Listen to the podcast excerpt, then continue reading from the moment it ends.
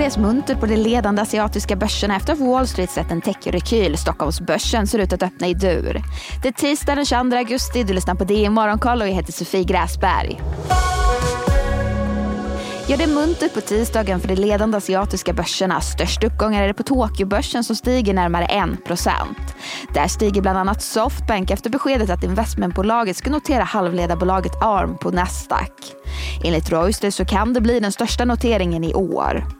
Och efter sju dagars nedgångar i skuggan av Kinas fastighetskris så rekylerar Hongkongsbörsen.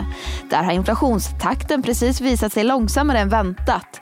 Dagens siffror visar på en inflation på 1,8 procent i årstakt, strax lägre än väntade 2 procent.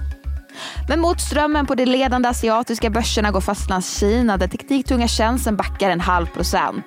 Medan breda Shanghai-börsen ser lättare nedgångar.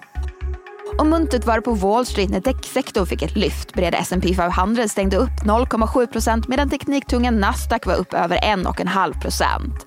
Nvidia som rapporterar först imorgon steg 8,5 procent efter en rejält höjd riktkurs. Och i efterhanden så steg Zoom efter att ha rapporterat över förväntan och dessutom höjt prognosen för resultat per aktie.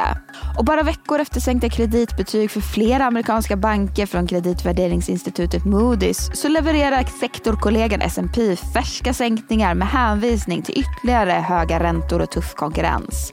Det sänker bland annat Dallas-baserade Commercia och bankkoncernen K-Corp. Och så lite utanför börsen, USAs tidigare president Donald Trump kommer att överlämna sig till lokala myndigheter i Georgia på torsdag. Det bekräftar han själv igår kväll. Sverige så Carl-Henry Svanberg har meddelat att han avböjer omval som ordförande för Volvos styrelse. Han kvarstår som styrelseordförande till årsstämman i mars 2024 och han har varit ordförande sedan april 2012. Vidare på ämnet så har det varit ett intensivt dygn för rapporterande Biko. Kvällen inför rapporten meddelade bolaget att vd Erik Gatenholm lämnar sin roll och ersätts av Vitrolife-chefen Maria Fors. 12 minuter efter första pressmeddelandet meddelade medicinteknikbolaget även att de gör nedskrivningar för hundratals miljoner. Det rör sig om en engångsposter som är icke kassaflödespåverkande och är huvudsakligen relaterade till nedskrivningar avseende goodwill på grund av ökade kapitalkostnad. Och bolagets rapport, ja det blev ett förlustkvartal med en organisk tillväxt på en halv procent. Kreditvärderaren Fitch sänker sitt kreditbetyg på SBB i fem steg.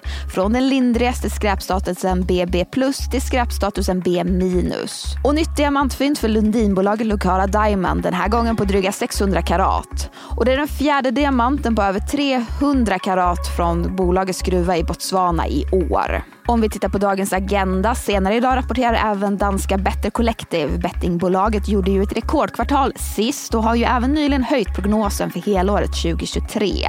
Och på tal om skandinaviska grannar så får vi senare idag norsk BNP som väntas sjunka till 2,3 procent i årstakt från tidigare 3 blankt. Men det var allt för den här nyhetsuppdateringen. Missa inte Börsmorgon kvart i nio som senare släpps som podd.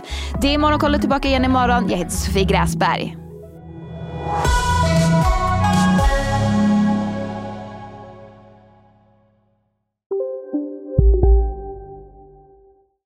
Vi är specialister på det vi gör, precis som du. Därför försäkrar vi på Swedea bara småföretag, som ditt. För oss är små företag alltid större än stora och vår företagsförsäkring anpassar sig helt efter firmans förutsättningar. Gå in på swedea.se företag och jämför själv. Hej, Ulf Kristersson här. På många sätt är det en mörk tid vi lever i. Men nu tar vi ett stort steg för att göra Sverige till en tryggare och säkrare plats. Sverige är nu medlem i Nato. En för alla, alla för en.